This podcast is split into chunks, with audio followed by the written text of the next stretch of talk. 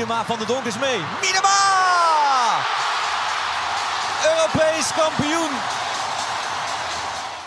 Goedendag luisteraars, welkom bij aflevering 10 van de podcast De Vrouw achter de bal. De podcast waarbij we op zoek gaan naar mooie verhalen van vrouwen binnen het vrouwenvoetbal. Mijn naam is Richard Lynch en ik zit hier vandaag met een journalist, bekend van Hard Gras, de podcast, en Hekkensluiters, de podcast die helaas niet meer bestaat. En van haar wereldberoemde nieuwsbrief, Doorkronkelen, want uh, de kronkel die uh, zit wel in haar hoofd. Danielle Kliwon, welkom. Hey, Hoe is het ermee? I'm good. Ja, alles Goed, goed? goed, Ja? zeker. Oké. Hoe is het met je hart? Hoe is het met mijn hart? Oh Na- god, na- na gisteren. Na gisteren de. Leeuwinnen, gekke ontknoping. Ik dacht, ik ga even rustig eh, voetbal kijken. Dit komt helemaal goed. Tegen België. Should be fine. Kom op voorsprong. En ondertussen hoor je natuurlijk al wat er allemaal gebeurt tussen Engeland en Schotland. Ja. Ik denk, het gaat toch niet een knipoog Kroatisch scenario worden? Dan Spanje-Malta. Spanje Malta. Kan maar- ook nog. Oh, die slotfase, de blessuretijd. Dan waren nu twee keer scoren. De eerste keer stond ik al van ja! We hebben het gehaald. En dan hoor je volgens mij binnen een minuut. Ja, Hoor je- snel- sneller volgens mij nog. Engeland heeft gescoord. Ja. Denk Nee, nee, het is buitenspel. Oh, Eh. nee. Hij telt wel. Ja, nou, om, eh, Toen was ik eigenlijk klaar mee. Toen stond ik eigenlijk de hoop me in de schoenen. Ik dacht, het is nu voorbij. Laat maar. Ik ga overschakelen naar, eh naar Luton Town Arsenal. maar het is goed gekomen. En Ja, met, je hart, met je hart dus ook. Ja, met mijn hart ook. Het is helemaal weer gekalmeerd. Gelukkig maar. Thank gelukkig. God. Oké. We made it. Ja, ik heb deze podcast heb ik, eh, ingedeeld als wedstrijd. Dat eh, weet jij vast wel, want je luistert wel vaker. Eh, we beginnen straks met de warming-up. Eh, daarna de eerste helft, de rust. eh, de tweede helft. Oh, Daarna de blessuretijd, die Dat gisteren, daar- zo spannend die gisteren zo belangrijk was. Nou, ik heb hem niet zo spannend gemaakt. maar als je twee goals wil maken in de blessuretijd, dan be my guest. En daarna sluiten we hem af. Dus ehm, eh, als je ready bent voor de warming-up, dan kunnen we starten. Let's go. Wat is de meest gebruikte app op je telefoon? Oeh. Is Ik, het eerste wat ik wil zeggen is eh, Twitter dat mag. of X. Ja. Maar ik denk dat het dat de laatste tijd zit ik ook veel meer op, op Substack. Mm, Oké. Heel veel nieuwsbrieven lezen ook via. Ik, normaal krijg ik, doe ik het in mijn mailbox. Ja. Maar omdat ik zoveel mailtjes van nieuwsbrieven kreeg, heb ik dat uitgezet. En dat ik dan gewoon de melding in de app krijg. Dus nu lees ik de nieuwsbrief in de app. En als ik dan moet kijken hoe lang ik dan in die app ben, dat is wel langer dan op Twitter. Oké. Volgende. Wat eet je het liefst? Kip. Kip. Kip en sperrips. Oké. Maar dan zeg maar niet krokante kip. Met zeg maar eh paneermeel of eh, bloem eromheen. Maar gewoon echt die sappige, juicy, rotisserie kip. Oké. En als laatste, eh, op welke manier maakt voetbal onderdeel uit van je leven op dit moment? Het klinkt heel stom, maar bijna alles heeft wel iets te maken met voetbal. Ik schrijf over voetbal, ik kronkel over voetbal, ik kijk voetbal, mijn vriend voetbalt. We gaan naar voetbal. Alles voetbal. Voetbal is live. Want Zover heb ik niet gehaald, maar het is een groot onderdeel van, me, Ja. van wie ik ben. Oké. Wat ik doe. Ehm, kip, spareribs. Ik wilde nog spareribs halen. Sparerib House, beste spareribs van Amsterdam. Ja. Die zijn dus gesloten op woensdag, dus Ah. die heb je nog van me te goed. Dat is niet, dat is niet, eh, dat is niet handig. En Substack, eh, je had het al net al, al even korter over. Dat je daar nieuwsbrieven leest. Ja, het is een platform waar je nieuwsbrieven kan versturen. En ik hou heel Mhm. erg van cultuur, geschiedenis, maar ook eh, beschouwingen eigenlijk op de actualiteit. Ja. En voetbal. NFL en voetbal. Ja, dus daar haal je je informatie eh, onder andere vandaan. Ja, en het is ook gewoon fijn om mooie essays te lezen. Ja. Ik hou heel erg van essays. Duidelijk. We gaan eh, naar de eerste helft. We hebben het net al kort over de Leeuwinnen gehad. Ehm, we zitten hier in het altijd gezellige Amsterdam. Oost, boven west. En als eerste vraag is, eh, ik zei het net al een beetje, maar hoe is het met je? Ja, goed. Goed? Oké. Ja? Net even de laatste negen minuten Ajax gekeken. Ja. En de laatste zes minuten AZ NEC. Toch een kwartiertje voetbal gekeken. En nog een beetje Saarbrücken. FC Saarbrücken, Ook de nog, derde divisionist, die weer door is in de beker. Ja, Dus weer voetbal, hè? weer voetbal. Is weer voetbal. Al- Always connected. Ik zei in mijn intro al dat eh, mensen je zouden kunnen kennen ehm, van eh Hard Gras, podcast. En het, eh, het blad natuurlijk, het En het blad. Voetballiteraire tijdschrift. Ook nog. En eh, van de podcast Hekkersluiters, die helaas eh, gestopt is. Met Jean-Paul Risson, Jan Bavink en eh Jordi, Na- Jordi Amali. Shout-out. En grote shout-out. En ehm, van, je, van je nieuwsbrief natuurlijk. eh, Ja. Doorkronkelen. En vorig jaar heb je ook nog een eh, klein tv-optreden gehad bij het eh, WK op NPO, WK 2022. Dus daar zouden mensen je allemaal van eh, kunnen kennen. Ehm, als ik het over die podcast en je optreden bij de NPO heb. eh, om te beginnen bij Hekkersluiters, hoe heb je dat ervaren, die podcast met de boys? was echt een prille begin. Ik was wel volgens mij één keer eerder met Jordi geweest. Die Mhm. maakte het eerste seizoen in zijn eentje. En Ja. dan had hij ook de gevallen clubsreeks. Ja, klopt. Dus ik was toen bij hem langsgekomen om te vertellen over Bolton. Mhm. Ja, dat weet ik nog, ja. Geweldig mooi was.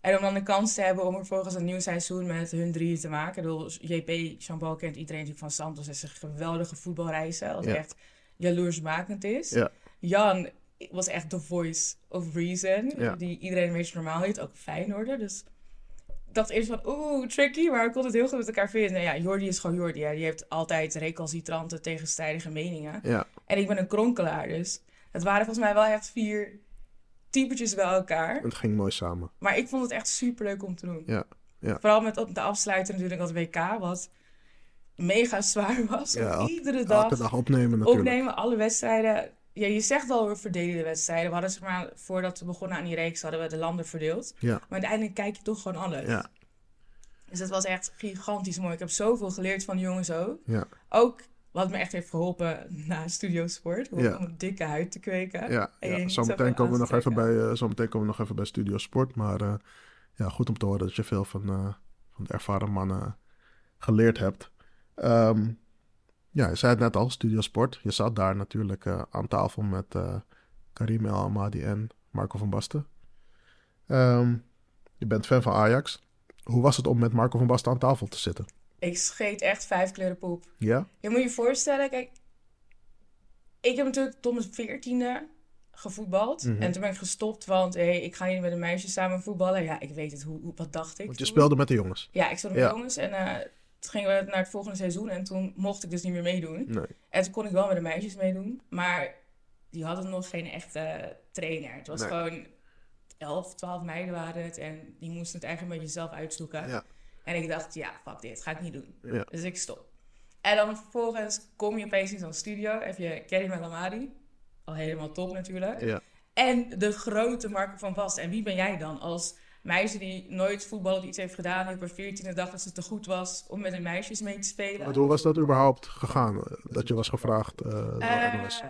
vanuit Hekkenstuit is een Hardgras podcast. Ja, eh, hadden ze me een paar keer gehoord. En toen was het, zou je het leuk vinden om in de studio langs te komen. In Mm, principe zat ik eerst met, eh, toen Frankrijk wilde komen. ja. Maar dat was tegelijkertijd met Australië. En toen was Guus Hiddink ook. Dus ik moest Ja. even ruimte maken voor Guus. Ja, ja, Hoe ja. kan dat nou? Ja, Denk huh? Nee.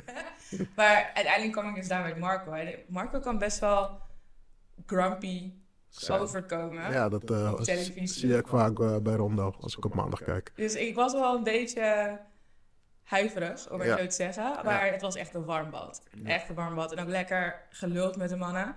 Goed over voetbal gesproken. Ja. Ook over padel trouwens. Ja, ook niet onbelangrijk. Niet onbelangrijk. Maar het was, het was echt een leuke ervaring. En de, daarna was ik er ook nog met Imke Courtois, Ja, Belgische dame. ja, En Ibrahim Afellay en uh, Ali Boularus. En dat was Ja. echt een droom die uitkwam. Want ik was toevallig in die periode ook bezig met een stuk over Nederland-Portugal. Ik ken Ah, die wedstrijd allemaal, die tuurlijk. trapwedstrijd. ja, En ik was twee weken bezig geweest om contact te zoeken met Boularus. Maar het lukte steeds net niet. En opeens zat ik gewoon naast hem. Ah, dus ja. uiteindelijk heb ik hem ook het hemd van het lijf gevraagd over...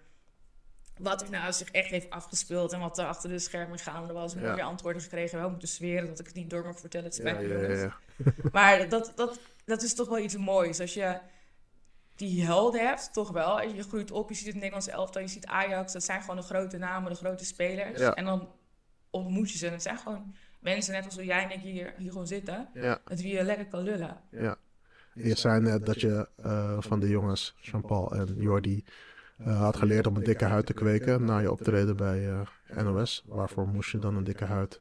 Wel, ik had bij? Hekkensluiters sowieso. Want toen ik eh, begon bij Hekkensluiters, natuurlijk, ik zei niemand kent me. Nee. Ja, ik schrijf, maar Ja. ja, Ja.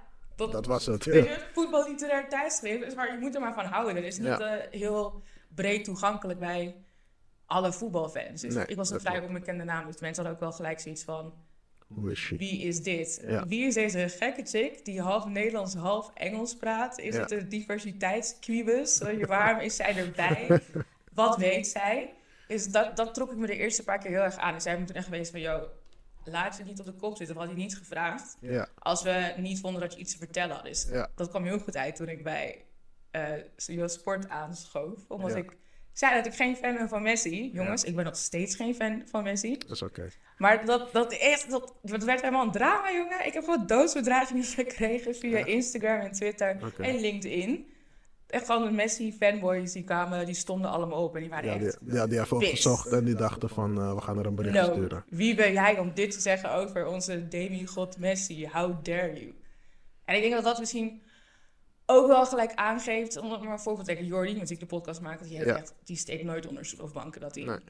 geen fan is van Messi. Volgens mij zegt hij zelfs, ik haat Messi. Ja, En Jordi kan dat zeggen. ja, Want Jordi hoeft geen extra context erbij te geven. Die hoeft niet te zeggen, ja, het is een supergoeie voetballer. Kijk wat hij doet, zijn spelinzicht is fenomenaal. ja, Maar ik mot hem zelf niet. Ja.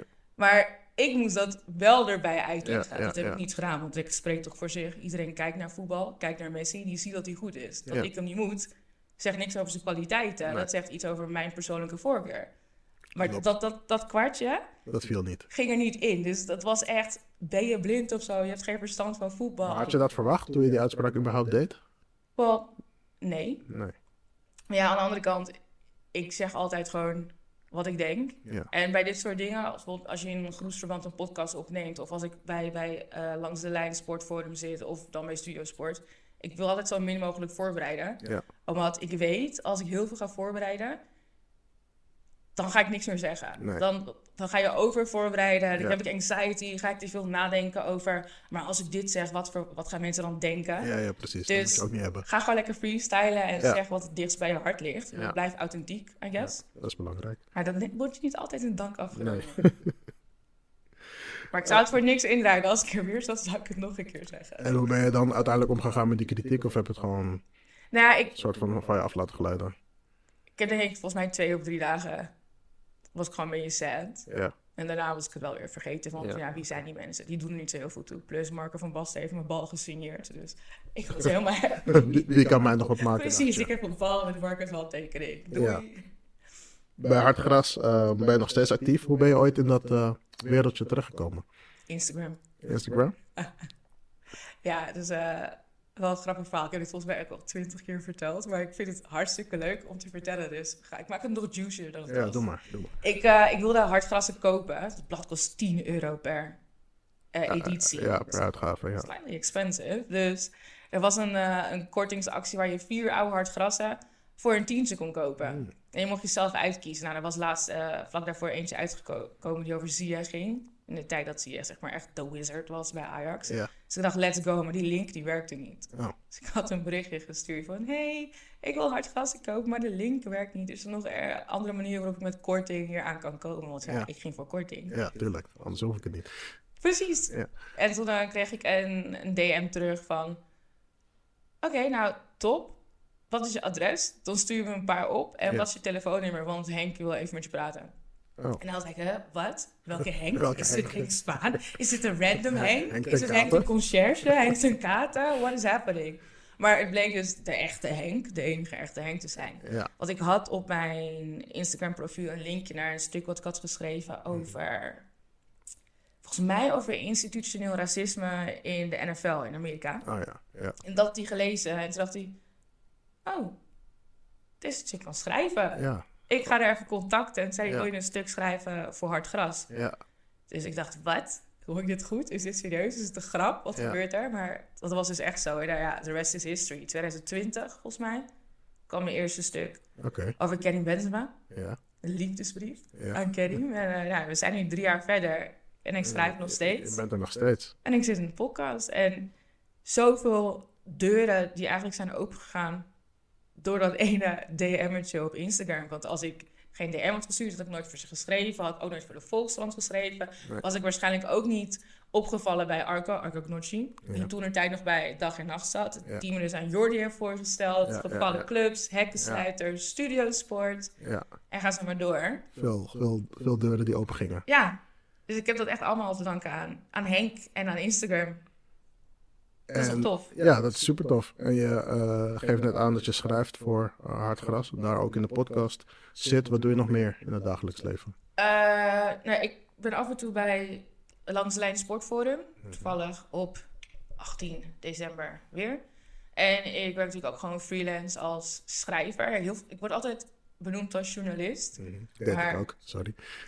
It's okay. Maar ik vind dat altijd een soort van belediging naar mijn echte collega-journalist. Ja. Kijk, een Sam Planting of een Pieter Ja. Zwart, Johan Ja. Inan. Dat zijn echt de mensen die de grunt work doen en analyses maken. Ik ben meer aan de antropologische en culturele kant van de voetbal.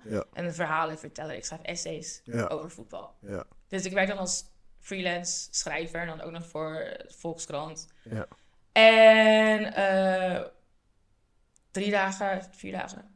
In ieder geval part-time dan voor de gemeente Amsterdam ook al schrijven voor de nieuwsredactie. ja. En dan kan ik mijn andere passie loslaten. Of daar helemaal in losgaan, want daar schrijf ik stadshistorische artikelen Oh ja, over de stad. En Ja. Over eh, de lijfstraffen die er waren. Of hoe vroeger de Duvelshoek de literaire onderwereld van Nederland was. Dat kan ik helemaal los in gaan. Dus vooral veel schrijven. Ja, Ja. eigenlijk alleen maar schrijven. super nice. Ehm, heb je altijd, heb je schrijven altijd leuk gevonden, aangezien je dit nu nog doet? Of is dat op een bepaald moment zo Ik heb altijd geschreven. Ja? Altijd. Ik weet nog dat ik de allereerste keer Lord of the Rings had gelezen. Ja.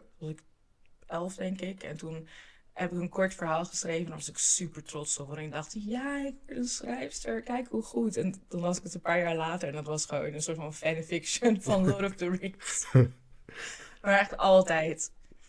Ik lees eh, wekelijks je nieuwsbrief, waar we het net over hadden, doorknonkelen. Eh, ik zal voor de luisteraars zeggen dat het ook zeker een aanrader is. Ik eh, zal eh, iets daarvan in de, in de beschrijving zetten. En je schrijft over de meest uiteenlopende zaken. zo, ook, zo ook in de nieuwsbrief van afgelopen week over, als ik het goed zeg, Tsubasa Ozora. Mhm. En over het Japanse damesvoetbalteam dat in 2011 de wereldtitel pakte. Hoe kom je in hemelsnaam op al deze onderwerpen? Wel, eh ja, nieuwsgierigheid. Ik, ken je dat als je dan zeg maar gewoon één dingetje opzoekt? Bijvoorbeeld op Wikipedia. Ja. En dan is er een door- linkje naar iets anders. En dan ga je door en door en Ja. door en door. En dan denk je, wow, wat is dit? Ja, En dan ga je op zoek naar nog meer informatie. ja dat ken ik wel, ja. Maar ook weer persoonlijke ervaring. Want ik heb bijvoorbeeld ehm Trade Management Asia gestudeerd aan de HES. Tegenwoordig is dat gewoon HVA volgens mij. Mhm. En daar, ik had het gericht op Japan. Dus ik kreeg ook Japanse les en interculturele communicatie en dat soort dingen. Ja. En toen zei mijn docent van, ja, manga lezen helpt ook. En zo heb ik Captain Tsubasa ontdekt. Ah, en als je dan een beetje gaat verdiepen in Captain Tsubasa, dan ontdek je, oh my god, Fernando Torres, die keek de anime en die is voetballer geworden omdat hij wilde lijken op Tsubasa. Ja, Eh Garnacho van eh, Manchester United Ja. heeft het tatoeage van Tsubasa. ja. Eh, hoe heet hij? Podolski. Ja. Voetbalde met schemerschermers met een personage uit die manga Ja, getekend. En opeens denk je, oh my god. Ja, hoe kan ik hier... Wat, wat is de culturele impact geweest? Dit is interessant. Laat me hierover schrijven. Oké, ga ik de Volkskrant dwingen om dit te publiceren? Ja, maar dan moet er een actuele aanleiding zijn. Dus dat werkt niet. En dan meestal zet ik het even in de ijskast. Ja. Om te wachten tot er misschien wel Een iets is om te pitchen. En als het dan niet niks is, dan denk ik, oké, cool. Nieuwsbrief, let's go. Ja, dus eh, vandaar de eh, uiteenlopende onderwerpen. Nou, dan begrijp ik, het, eh, begrijp ik het goed. Wat ik zei, ik vind het superleuk om te Ja, lezen. alles is inspiratie om je heen. En Ja, is ook zo. voetbal is populaire cultuur en een representatie van de samenleving. Dus wat ik soms ook doe, is gewoon een filosofisch concept uitleggen aan de hand van voetbal. Ja, ja, precies. Nou, wat ik zei, ik ga voor de luisteraars eh, even iets in de show notes zetten om te kijken eh, It's just eh, me nerding out. of, er, of er meer mensen eh, in het weekend kunnen genieten van, jou, eh, van jouw schrijfkunsten. We gaan naar de rust. Ehm, hoe bevalt de podcast tot nu toe? Leuk. Heb je vaker één op één podcast gedaan of wel altijd in... eh, Ja, met Jordi dus, die gevallen club. Oh ja, tuurlijk, En ja. Skip Intro ook, wat ook echt een leuke podcast heeft Oh ja, over series. ja. Met Anke, één op één. Ja. Anke Meijer, het is de podcast van Thijs Schreek en Anke Meijer. Ja. Lekker over eh, series praten. Ja, dat is ook eh, leuk. En dat, eh, kijk je volgens mij ook wel eh, geregeld. Dus Ja. daar, kun je wel, daar kun je wel over meepraten. Ehm we eindigden de ehm, eerste helft met een stukje uit jouw nieuwsbrief over dat Japanse damesteam. Ehm, Oh, Marisawa. hoe is jouw, als we doorgaan naar de tweede helft, hoe is jouw liefde voor voetbal ontstaan? Toch wel mijn ouders. Mijn vader, die kon echt uren vertellen over de beste Surinaamse spelers. Mhm. Dat, dat deze de jongens van Ajax, die dan onze jongens waren. Maar ook het, het kleurrijke elftal Ja. en maar oude verhalen. En mijn moeder, die heeft zelf ook gevoetbald voor Ja. in Suriname.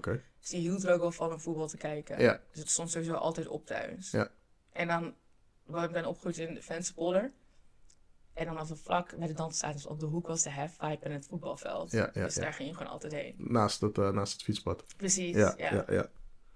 En eh, hoe is dan het haakje te maken naar vrouwenvoetbal? Wanneer begon je daar een soort van interesse in te krijgen? Dat is echt heel toevallig gegaan met een, eh, een schoolgenootje. Die voetbalde in Noord en ik ging gewoon een paar keer met hem mee. En dan ging ik ook even een balletje trappen Ja. en opscheppen. In Nieuw-Sloten, Ja, waar ik vanaf mijn acht of zo heb gewoond, Ja. heb je een sportpark Sloten, dat is Ja. ook blauw-wit. En Ja. gingen daar altijd met de buurmeisjes, gingen we daar kijken naar de buurjongens die moesten voetballen het weekend. En op een gegeven moment ging ik gewoon vragen of ik mee mocht doen. En ik kwam er al heel snel achter dat ik eigenlijk niet zo goed kon voetballen. Maar dat ik wel goede reflexen heb. En zo ben ik op het doel beland. Oh ja. Ik ging opscheppen bij mijn schoolgenootje. Die zei, bewijs het dan. Nou, toen gingen we gewoon schieten. Ja. Toen was het, oh, Oh, je kan het toch. we hebben een keeper nodig. Dus wil je bij ons komen? Ik heb een half seizoen meegedaan. Gewoon voor de fun. En daarna heb ik wel echt ingeschreven officieel. Ja. Toen ging, werden we ouder, gingen we promoveren. Toen mocht ik dus niet meer bij de jongens meedoen. Nee. En toen ik jong was, ik was toen volgens mij 14 toen ik stopte. Toen was vrouwenvoetbal... Het was er gewoon niet. Je, je weet, ik ben een vrouw die Ja. voetbalt. Ja. Maar het fenomeen vrouwenvoetbal, dat had gewoon nog helemaal geen vorm in mijn hoofd. Dat was iets niet tastbaars en totaal niet bereikbaar. Nee. Want je werd er ook gewoon niet, niet mee geconfronteerd. Nee. Nee. En als je dat eh, vergelijkt met hoe het nu is, die ontwikkeling die het eh, doormaakt, wat vind je daarvan? Het is prachtig. Het is echt prachtig, maar ook tegelijkertijd too little too late. Ik, ehm, een paar weken geleden was natuurlijk ITVA, Ja. een International Documentary Festival Amsterdam. En daar was ik dus ook bij de première van Copa 71 over het Vrouwen-WK in 1971, Mhm. Ja, wat ja. nooit officieel erkend is. En die vrouwen hebben daar hetzelfde meegemaakt eigenlijk. Ze hebben dezelfde manier behandeld. Ja. Je kan gewoon directe parallellen trekken met het, met het WK van afgelopen zomer. En dat was in 1971. Ja. Wat zijn we in 50 jaar opgeschoten? En het, het is eigenlijk heel weinig. En dat, dat is, Confronterend, denk ik. Ja, en ook gewoon heel erg teleurstellend. En tegelijkertijd word je er ook boos van. Ja. Nee, dat was de vraag. Oh my god. Eh, wat de vraag was, ehm, hoe dat haakje was naar vrouwenvoetbal in eerste instantie. Hoe heb ik die vraag niet beantwoord? Maar je snapt wel. ja, ja, Nee. geeft niet, is oké. Ehm, ga je wel eens, gisteren zat je dan op de bank of eh, in een restaurant eh, de wedstrijd te kijken. Ga je wel eens live wedstrijden van de Leeuwinnen kijken of eh, Champions League nu met Ajax of als er een vrouwen eredivisie? Ik moet eerlijk zeggen, mijn allereerste was, in, was het 2017. Met het EK. Toen de laatste poolfase wedstrijd Ja. tegen België. België? Ja, was dat het tegen België. België, ja, ja, ja. klopt. Dat was de allereerste wedstrijd. Dus dat is ook vrij recent. Dat is, Ja. dat is zes jaar geleden. jaar geleden, dat was 2017, ja, klopt. En eh, ja, de Champions League finale die natuurlijk in Eindhoven was. Ja, En helaas, toen Ajax tegen PSG speelde, Ja. was ik verkouden, maar ik had er heel graag bij willen zijn. Dus ik, ik ga wel eens, maar niet vaak genoeg. Als je Nee, kijkt hoe vaak bijvoorbeeld eh, in de arena zit voor Ajax, ja, die dingen staan niet in verhouding. nee. Maar ik denk dat dat ook een, een puntje is van vrouwenvoetbal. Des te beter de accommodatie, om maar zo te zeggen. Mhm. Des te meer mensen erop afkomen. Ja. Nu voetballen ze gewoon nog op, op de toekomst. Mhm. Waar niet eens meer dan duizend man past, dan is het ook al minder aantrekkelijk, denk ik, voor het grote publiek om erheen te gaan. Ja, klopt. Het is meer voor dagjesmensen, eh, ouders met kinderen, eh, vooral families en Ik eh, wil niet om zelf jeugd. goed te praten, maar Nee, ik snap het is je. een mogelijke verklaring. Ja, ik snap je. Dat was in de arena dan natuurlijk wel anders. Daar komen wel meer mensen op af. Ik ben benieuwd hoeveel mensen er zitten tegen Bayern München. Maar nee, ik denk dat je daar zeker gelijk in hebt. We hadden het natuurlijk aan het begin hadden we het al over eh, de Leeuwinnen. Eh, ze hebben de afgelopen week natuurlijk tegen Engeland en tegen België gespeeld. Mhm. Ehm, hoe heb je die wedstrijden, los van die van gisteren, eh, Ja, Engeland Ervaren. heb ik niet helemaal gezien. Maar ik moet wel zeggen wat ik had gezien. ja, Dat ik daar vrij tevreden over was. Ja. Ondanks het de uiteindelijke uitslag, zeg maar. Maar het, dit klinkt heel onaardig naar onze oude keepster, Sari. Mhm. Maar ik heb het idee dat nadat Nederland EK had gewonnen, we dachten, oké, we're on top of the world. Finale gehad van het WK, Serena is nu weg, wij zijn de Oranje Leeuwinnen en Ja. wij zijn vooruitstrevend van waar het vrouwenvoetbal voor staat. En dat we toen toch wel in een soort van mini-dipje zijn beland. En dat we daar nu, voor mij gaat dat samen met het feit dat eh Sari is gestopt. Maar niet dat het daardoor komt, maar Ja. die omslag ja, is op hetzelfde moment ingezet van nu komen we ergens. Je ziet echt dat het spel beter wordt. Natuurlijk heb het ook te maken dat Mark Parsons weg is. En daar was ook geen... ja, dat was wel denk ik een onderdeel van het dipje. Maar Maar je ziet, ik, ik had het opgezocht, want Pieter Zwart, die heeft eh, een boek geschreven over de Nederlandse mannen. Ja. Het heet De Val van Oranje. ja, En hij zei, we moeten zelfkritisch zijn om de spelers te kweken, maar onze trots staat daarbij in de weg. En dat is iets wat je ook één op één voor mij kan leggen over de laatste tien jaar, laatste decennia, decennium van het vrouwenvoetbal in Nederland. ja, Ons eigen trots, omdat we dachten, we zijn er al, we Ja. zijn Europees kampioen geworden, we zijn runner-up wereldkampioen. ja, Mensen moeten zich vormen naar ons. Daardoor hebben we een pas op de plaats genomen, hoe daar het ook klinkt. En eigenlijk lopen we nu achter op de rest. ja, En het is mooi om te zien, nu tegen de wedstrijd tegen Engeland en nu ook tegen België, dat we het uit het vuur hebben getrokken, dat we wel weer stappen nemen, dat we wel weer vooruit gaan. Dat Ja. er echt een gigantische lichte jongeren, beter getrainde, beter opgeleide spelers aankomen. ja, dat is ook wat ik veel hoor eh, in de podcast die ik eh, de afgelopen weken heb gemaakt. Dat weet je, de jeugdopleidingen natuurlijk beter zijn en worden. En eh, clubs nu ook ja, meer doen en meer kunnen doen aan eh, Ja. talentontwikkeling. Dus ik denk dat het, dat, dat zeker een goede ontwikkeling is. Ehm, En Dat, dat zag je ook echt zeker tegen Engeland. Ik bedoel, het is wel het Engeland. We moeten niet vergeten hoe goed Sarina Engeland heeft, nou ja, Engeland heeft gemaakt, is een te groot woord. Niet alleen Sarina, maar hoe goed dit Engeland is. Ja. Het is niet altijd het meest spetterende spel. Maar ze zijn mega effectief, efficiënt en weten hoe ze wedstrijden moeten winnen. ja, dat is zeker waar. Dat is zeker waar. En wat wij daar tegen op de mat hebben gelegd was, was, was gewoon mooi om te zien. En dat we dan nu het 4-0 en 2 goals in de blessuretijd het afmaken. Dat is een soort van kers op de taart. Maar ik vond eigenlijk dan die wedstrijd tegen Engeland, gaf was hoopvoller, beter. Maakte me blijer Ja, dan deze wedstrijd tegen België. Ja. Maar, als, het, als de apotheose van die wedstrijd niet zo was geweest, dan zouden we er ook anders naar kijken. En dan zouden we van ja, easy, let's go. Ja, ik had niet verwacht dat ze, aangezien ze uit 2-1 verloren door eh, de fout van Weimar, eh, dat ze thuis zo ruim zouden winnen van België. En België ging er ook echt, Ja, ging er ook echt voor, dus dat vond ik, eh, vond ik wel mooi om te zien.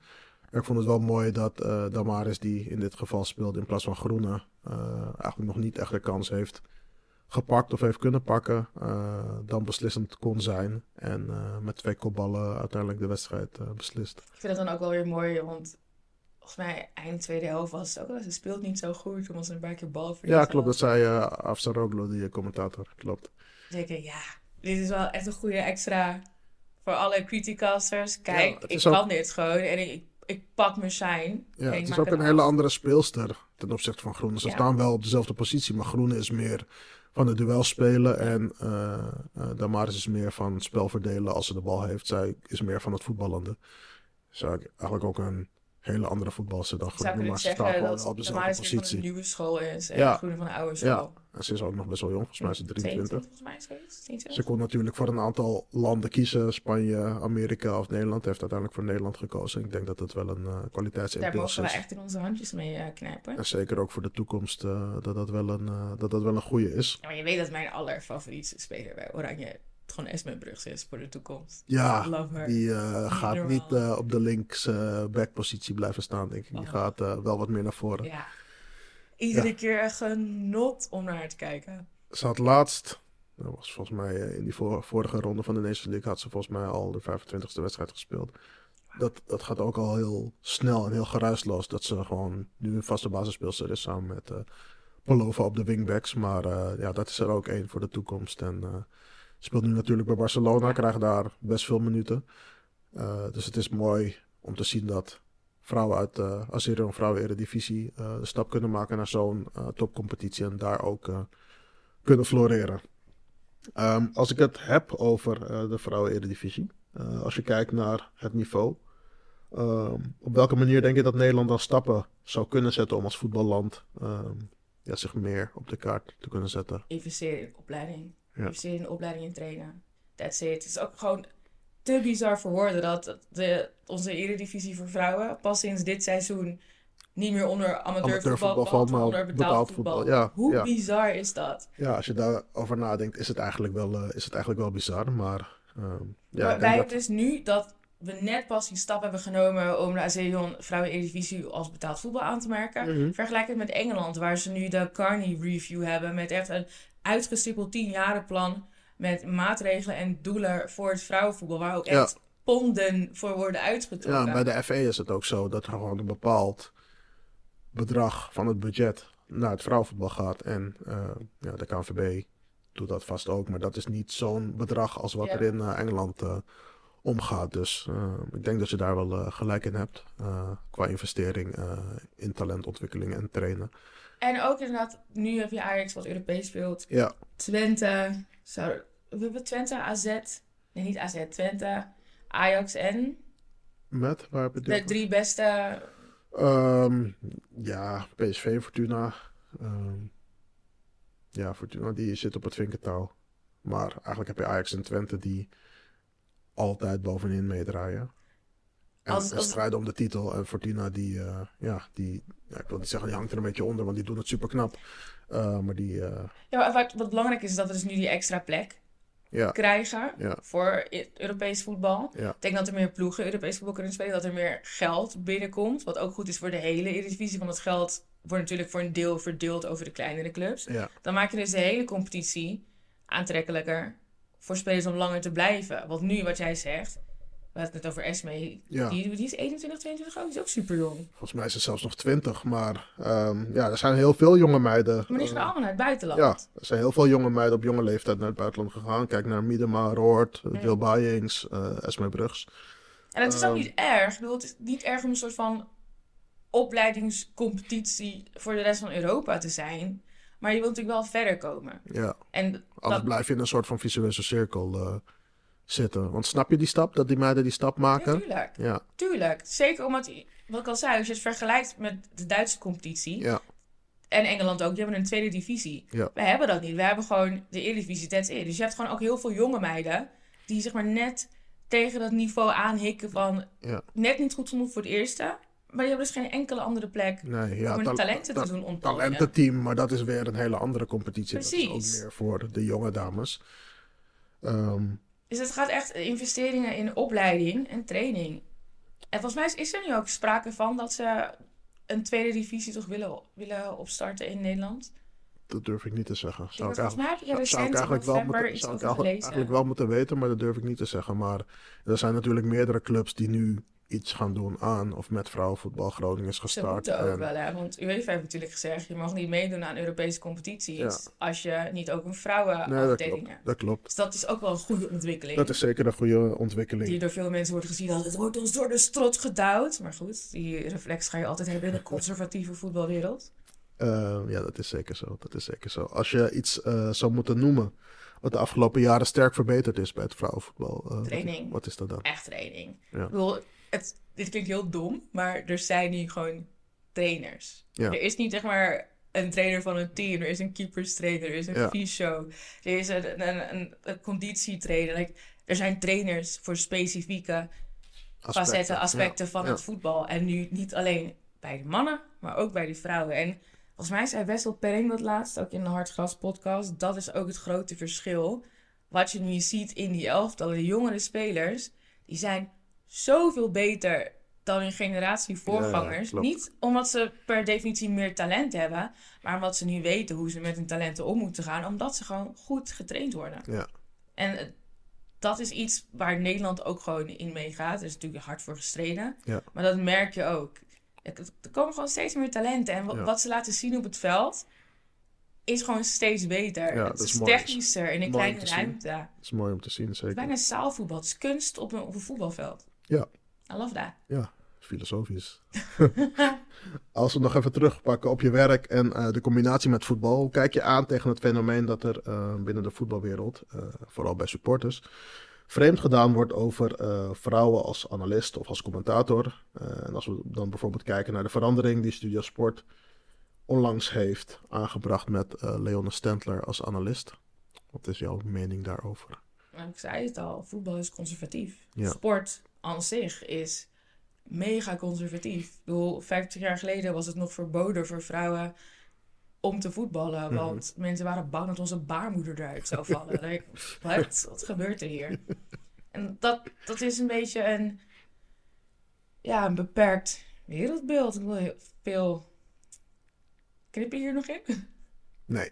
Oké, ik wil zeggen, veel voetbalsporters zijn wereldvreemd. Maar ik denk dat dat ook een te grote generalisatie is. Maar ik, kijk, ja, gaan we een filosofische vergelijking maken. Je hebt met eh, Thomas More Utopia. En het idee daar is dat als ik iemand anders vrijheden ver- vergun, geef, Ja. dan moet ik mijn eigen vrijheid inleveren. En mensen willen nooit eigen vrijheid inleveren, dus die houden daar krampachtig aan vast. Ja. Hetzelfde zie je volgens mij ook in, in de sportwereld. En we hebben dan nu specifiek over voetbal. Vrouwen eh, waardering, erkenning geven en ook op hetzelfde niveau mee laten doen. Want Ja. dat is het echt in de hoofden van veel conservatieve mannen in de voetbalwereld, is mee laten doen. Ja. Dat neemt voor hun gevoel iets van hen af. Ja. Het neemt iets af van de glans die zij aan het voetbal geven. En waarom ze dat denken, niemand weet het. Als ze dat wisten, dan was er ook geen wereldoorlog meer in de, waren er ook geen oorlogen meer in de wereld. Want alle conflicten komen voort uit het idee dat je bang bent om iets van je eigen te verliezen. Ja.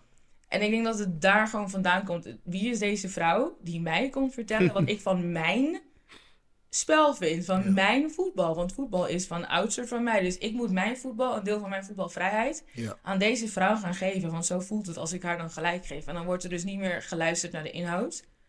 En er wordt eigenlijk alleen maar gekeken naar het feit dat ze een baarmoeder heeft en geen prostaat. Ja. En er zit nog wel een nuancering bij. Want het komt natuurlijk ook voort omdat voetballers zo lang zijn onderdrukt. Voetbalsters zo lang zijn onderdrukt, want dat zijn ze gewoon. Mhm. Kunnen daar gewoon heel eerlijk over zijn. Hebben die ook niet zo'n eh, staat van dienst, zo'n legende opgebouwd als bijvoorbeeld een Johan Cruijff of een Marco van Basten of een Boularoes. Ja. Die hebben vaker toch, zoals een Leon Stettler, op een ander niveau gevoetbald. Ja. Wat dus volgens de conservatieve voetbalsupporter weer niet op hetzelfde niveau is als de mensen die er wel iets mogen zeggen. Want we houden hier van autoriteitsargumentatie. Ja. Ja, daarom vond ik het mooi, en dat eh, benoemde ik in mijn aflevering met Femke Prins, dat ehm Wieke Kaptein een keer werd geïnterviewd. En ze had nummer 14 van Jackie Groene, die dat normaal heeft, die was er toen niet.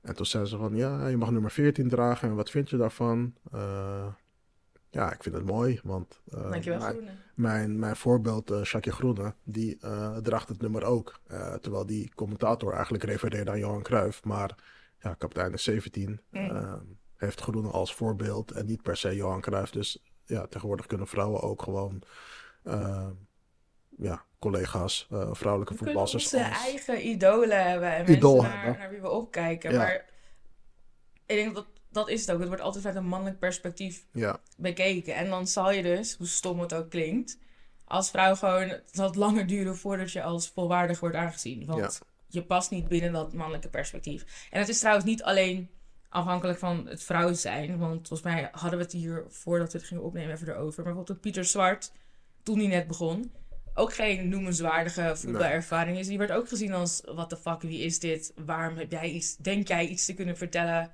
over voetbal? ja, Maar daar werd wel eerder naar de inhoud gekeken, omdat hij dus wel weer het voordeel had dat de man was. ja, ja. Maar dat Ja. mag je dan niet zeggen, want dan gooi je jezelf in een slachtofferrol. Ja, dat is een mooi, eh, Mooi betoog, mooie vergelijking. Je moet hem maar eens een keer vragen. Hetzelfde met Suze. De, de, de shit die zij naar hun hoofd krijgen. Omdat ze iets op nationale televisie zeggen wat dan niet klopt. Ja, Suze van niet Kleef. zou, Suze Suze van van Kleef ja. Wat niet ja. zou kloppen. denk ik. Ja, dat is mijn volgende vraag eigenlijk. Kun je eh, een aantal vrouwen in het voetbalwereldje noemen waar je veel respect voor hebt? Suze van Kleef. Ja, Ja, nee. Hoe zij, eh, hoe zij haar werk doet natuurlijk voor NOS. Mhm. Dat allereerst. ja, Ze weet ontzettend veel van voetbal. En Ja.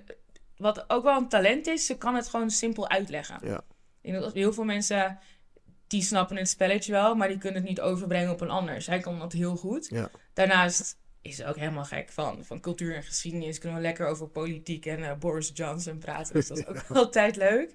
Maar ook de manier waarop zij omgaat met, wat ik al zei, de, de dingen die ze naar haar hoofd krijgt. ja. Dat, ja, ik kijk wel echt heel erg op naar Suze. Hoe ze eigenlijk haar eigen plekje heeft gepakt binnen, binnen de voetbalwereld. Binnen Ja. de voetbalmedia. Ja, dat is mooi. En daar ook gewoon niet van afwijkt. Mooi. Dat is super mooi. Mooi compliment. En Eh, Kate Abdo. Kate Abdo, ja. Ja, Kate Abdo die, is echt ja, die doet het, eh, geweldig. die doet het erg goed. Die doet het erg goed. Ehm, gisteren was het blessuretijd en die was eh, niet onbelangrijk. Eh, ik ga het niet zo spannend maken in deze blessuretijd, maar we gaan wel eh, naar het einde. Ehm, wie vind jij de beste speelster op de mondiale velden? Oké. Ik ben een Amsterdammer. Ik ben een Ajaxiet. Dus ik dacht, ik zag die vraag. Ik ga even wat spelers opschrijven. En toen kwam ik eigenlijk... Ik wilde eigenlijk uh, Daphne van Romsdaal zeggen. Maar die is natuurlijk al weg. Dus die kon niet. En toen schreef ik gewoon namen op. En toen kwam ik erachter dat het vier Ajaxiden waren. Ja. Maar ik denk nu, de beste speler in Nederland vind ik toch wel Romee Leufter. Mhm. Really like her. En wat daarachter komt, als iets waar ik heel veel van verwacht de komende jaren. Uiteraard eh Lily. Chastity Grant en eh Isa Kardinaal. Oké, Dus mooi rijtje. top 4 Ajaxiden. Het spijt me dat het weer zo Randstad Ik gericht denk, is. denk niet dat iemand hierom... eh, Maar ik had wel een Twente speler. Ik vind onze keepster, Daphne, is echt een van de spelers van, van Oranje. ja, ik een van de beste Nederlandse nog wel, spelers. eh, een stap gaat maken in de Premier League of... eh, 100%. een andere competitie. Dus eh, ik denk dat ze wel een mooie eh, toekomst tegemoet gaat. Eh, tweede vraag is: eh, wat is het mooiste dat je in je carrière hebt meegemaakt? Ah, dit gaat echt super cliché klinken. Maar het het is zeg maar niet zozeer een mooi moment.